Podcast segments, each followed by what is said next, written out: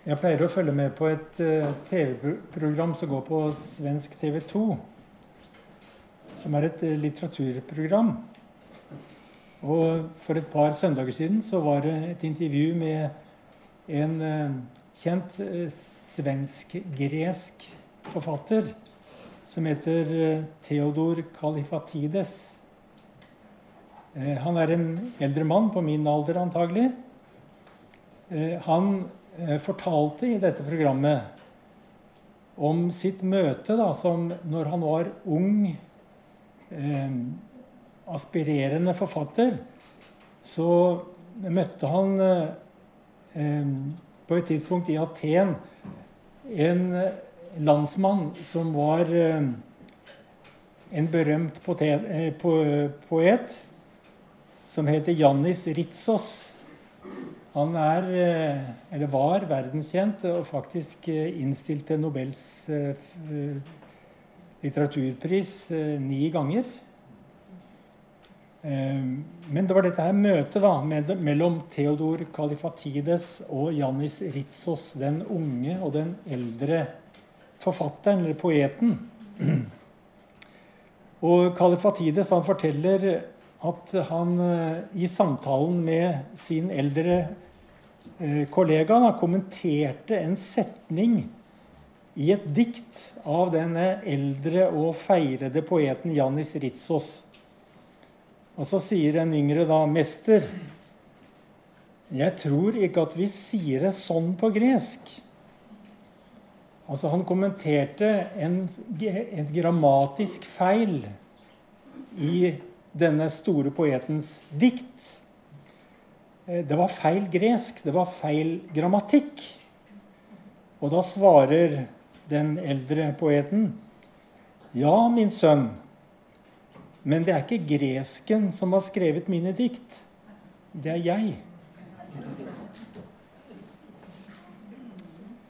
Og Kalifatides, denne den gang unge mann, men som nå er en eldre mann, da, han sier at eh, dette svaret det forvandlet mitt forfatterskap. Det svaret befridde meg fra den engstelsen jeg har alltid har hatt for å gjøre noe som er feil.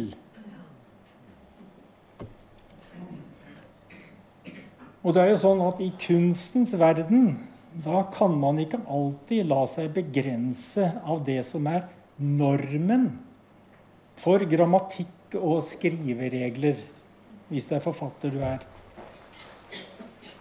Faktum er at av og til så er det en feil som gjør kunsten bedre.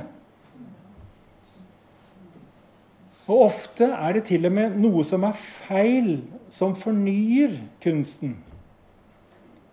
Det er noe som er feil, som skaper kunst som speiler samtiden som gjør kunsten relevant, og som gjør den til et språk for tiden vi lever i.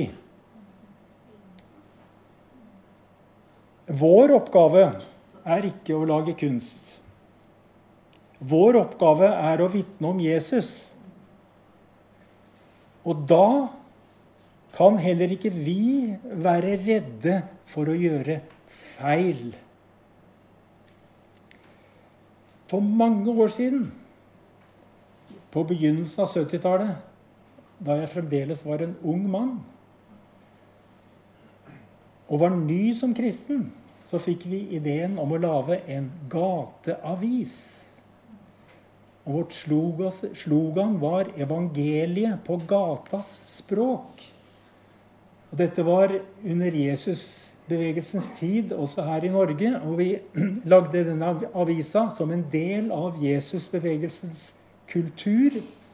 Vi brukte et språk som var gataspråk. Eh, vi brukte moderne, eh, den tidens da, moderne eh, grafiske uttrykk og illustrasjoner og vi forsøkte å forkynne evangeliet på gatas plan. Vi forsøkte å lage et uttrykk for evangeliet som var temporært. og som nådde ut på gata. Og jeg, eh, I min entusiasme så kan jeg huske at på predikantkonferansen i Oslo så viste jeg ivrig fram det en av de første numrene av Gateavisa Utfordring. Vi hadde allerede da spredt, solgt den i tusenvis av eksemplarer over hele landet. Og jeg viste stolt fram til en av de eldre predikantene der. Og han så litt skeptisk på den, og han sa vi har jo korsets seier. Det var feil. Det var feil avis. Og i dag, så mange år etter, så er avstanden mellom kristen tro og folket enda større enn den var på 70-tallet. Og vi er i et nesten desperat behov for å rive kirkeveggene.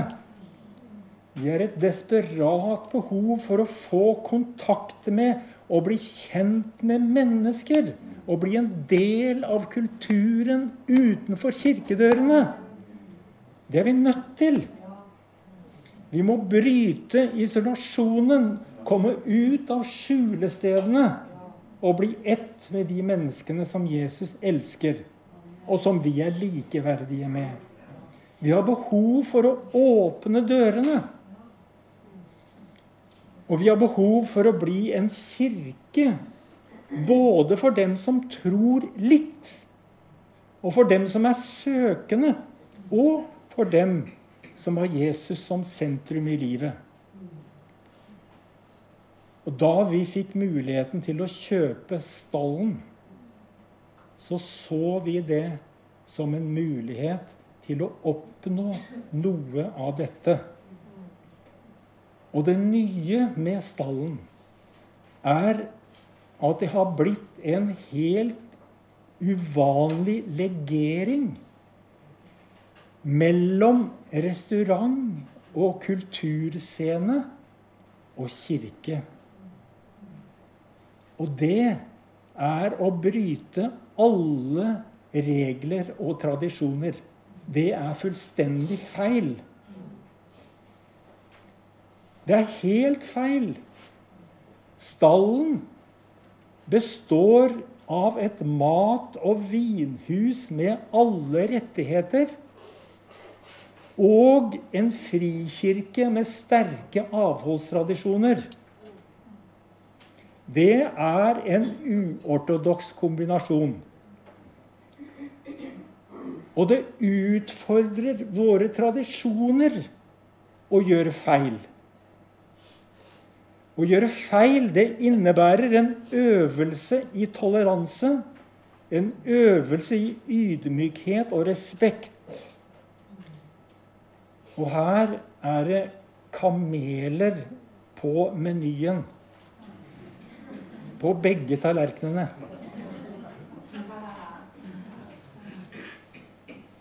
Men vi som sitter her, vi har vist guts til å prøve dette. Og fra den dagen vi overtok stallen, så har vi blitt kjent med, vi har samarbeidet med, veldig mange nye mennesker. Og gjennom det har vi blitt glad i mange nye mennesker. Alle i Horten vet at vi er kristne som eier stallen. Alle som spiser her, vet at vi ønsker at de skal fortsette med det. Alle musikkinteresserte i byen vet at vi ønsker å legge til rette for deres konserter. Og alle vet at det er kirke her på søndag. Nå er vi sentralt plassert midt i byens kulturliv med vår kultur.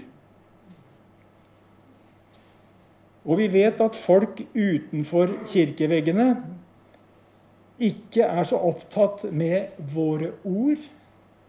Bryr seg ikke så veldig mye om hva vi sier. Men de har øynene festet på hva vi gjør hvordan vi er, og hvilke holdninger vi gir uttrykk for. Det er det som forteller hva vi står for. I de siste månedene har vi fått anledning til å møte mange nye mennesker med åpenhet og respekt. Og vi har blitt møtt med åpenhet og respekt.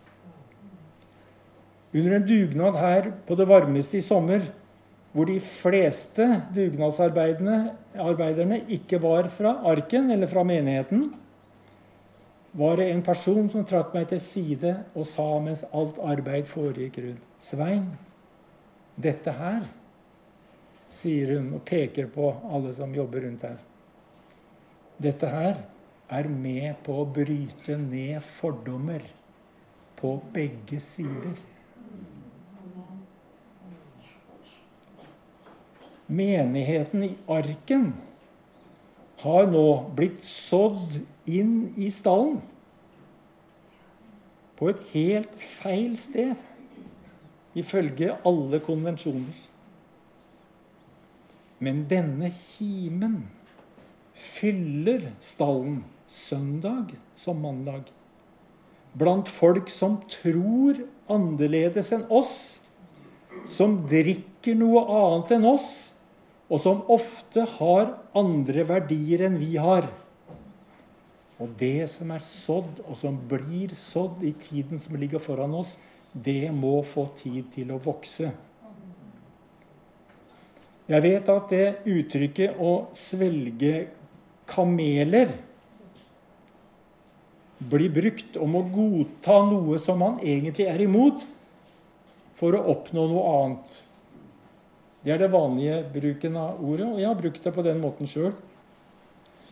Men når Jesus sier dette, så er det i en sammenheng i Matteusevangeliet hvor han egentlig snakker om å være, opptatt, å være så opptatt med små ting at man ikke ser det som er stort. Det er hva Jesus snakker om. Og han sier til de skriftlærde, til de som kan alle reglene Han sier, 'Dere gir tiende av mynte og anis og karve.' Men forsømmer det det som veier mer i loven. Rettferdighet, barmhjertighet og trofasthet. Blinde veiledere som siler bort myggen og sluker kamelen. Det Jesus snakker om her, og det han mente, var at vi kan henge oss så fast i alt det som er små detaljer, så vi går glipp av det store bildet. Det det er snakk om her, det er snakk om proporsjoner. Og vi står alltid i fare for at vi kommer til å forsømme det som veier mer, som Jesus sier. Vi må alltid vurdere i livet hva som veier mer, og hva som veier mindre. Vi må være opptatt med proporsjoner. Hva som er viktig, og hva som er enda viktigere. Det er det Jesus taler om. Det er klart at det er noe som er rett i grammatikken.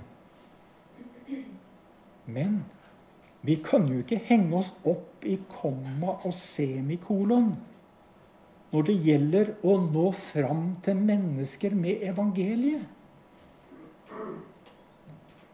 Vår oppgave er å vitne om Jesus og det kan vi bare gjennom å være et åpent brev, som apostelen Paulus sier, kjent og lest av alle. Vi vitner med våre liv, og vi vitner med vår, vår evne til å se Guds bilde i alle mennesker. Og det er det vi trenger å øve oss på.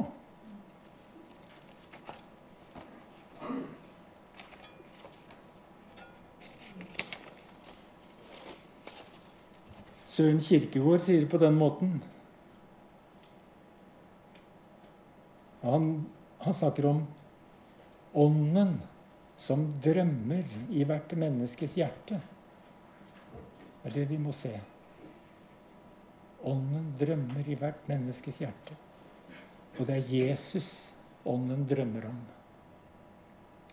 Av og til så kan vi kanskje ligne litt på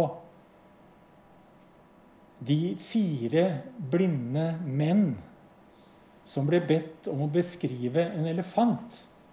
Det er en ganske kjent uh, historie. Fire blinde menn blir bedt om å beskrive en elefant. Og De ser jo ingenting, naturligvis. Går fram til elefanten og føler på forskjellige områder av det store dyret. Og den ene sier at uh, elefanten ligner på et rabarbrablad. Han kjente på øret. Og en annen som kjente på, på snabelen og sier at eh, jeg tror at elefanten ser ut som en slange. Eh, den tredje han kjente på en av de tykke beina til elefanten og konkluderte med at elefanten må se ut omtrent som et tre. Og den siste han kjente på halen og han mente at elefanten må se ut som en tynn, liten sak med en dusk i den ene enden. Alt det der var jo riktig nok i og for seg. Detalj, detaljer. Men de så ikke det store bildet. Gud må hjelpe oss til å se det store bildet. Det er mange viktige detaljer, det er ikke det. Men vi må se det store bildet. Og det må Gud hjelpe oss til. Så vi ser det som han ser. Og poenget er i Guds rike der er det og blir det noe som veier mer. Det er noe som veier mer enn våre tradisjoner. Mer enn våre konvensjoner. Det er noe som veier mer enn våre vedtatte meninger. Og det er noe som veier mer enn våre fordommer. Jesus, vår elskede Herre, han gjorde jo hele tiden feil i de skriftlærdes øyne. Disiplene dine skyller jo ikke hendene de skal, skal, før de skal spise. Det er jo feil. Og det var feil å plukke aks på sabbaten.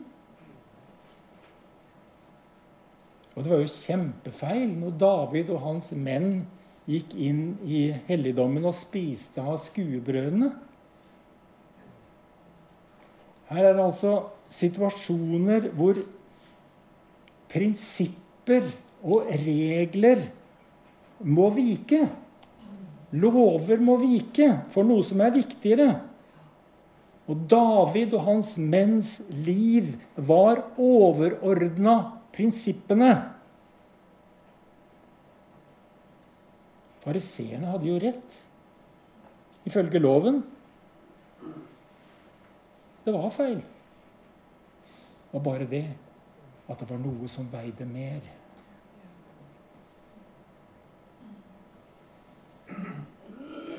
Det var feil av Jesus å spise sammen med tollere og syndere. Det var feil å røre ved den spedalske. Og det var feil av Jesus å gå gjennom Samaria, som jødene holdt seg langt unna. Og Jesus han helbredet og tilga helt feil folk. Og han gjorde 600 liter vann til vin i bryllupet i Kana. Etter at gjestene var blitt beruset. står faktisk det i Bibelen, hvis ikke du har lagt merke til det. Det er jo helt fullstendig feil.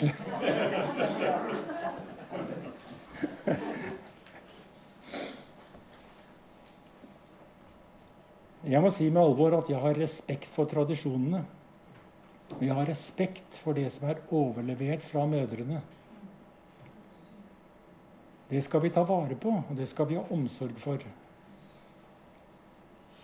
Men det er ikke tradisjonene som skal følge Jesus i Horten. Det er vi.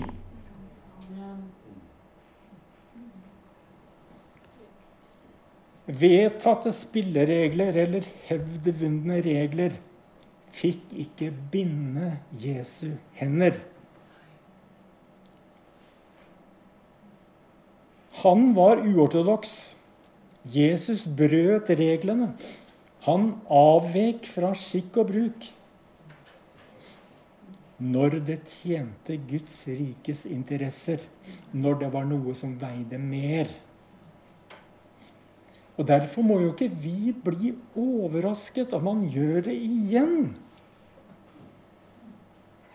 Om hans ledelse medfører uvanlige grep. Jesus er i går og i dag den samme til evig tid. Og det er ikke normen det er ikke normene og tradisjonene som skal avgjøre hvordan dette verset som vi skriver på for kirka i Horten, skal skrives. Det er vi. Og vi skal være fri til å bryte mønstre om nødvendig. For Jesus gjør av og til det.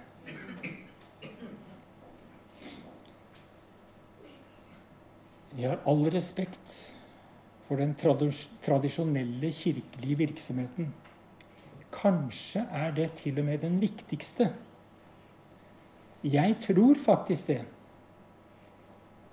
At den trauste, tradisjonelle eh, kirkelige virksomheten bærer veldig mye av evangeliet for vårt land.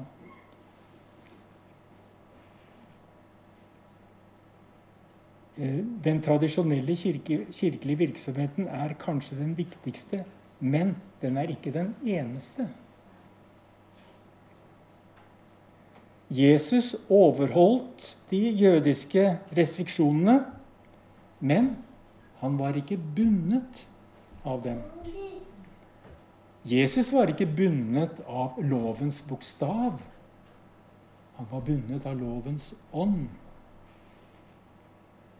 Og det hender at, at ånden veier tyngre enn bokstaven. Loven er god når den blir brukt slik den er ment. Men det er jo ikke loven som skal skrive vår historie. Det er det nåden som skal gjøre. Regler og normer kan være en god rettesnor. Men det er kjærlighet som forandrer menneskers hjerter, ikke bud og regler og normer. Vi som sitter her, vi har en skatt å dele. Og vi bærer den skatten i leirkrukker. Det er vi fullstendig klar over. Vi ser det hver eneste dag. Vi er et sprukkent leirkar, skrøpelig og utett. En eh, ikke altfor pyntelig beholder for troens lys. Men den fortellingen vi bærer, og den fortellingen vi verner om, er fortellingen om Gud som oppsøker mennesker der de er. Og som går ut for å lete etter den som har kommet bort. Han går ut i ødemarken, hva nå det enn må bety, og hva det måtte innebære. Han går dit fordi han håper, han håper å finne det lammet som han har mistet, og som han elsker. Og vi, vi må gå med ham.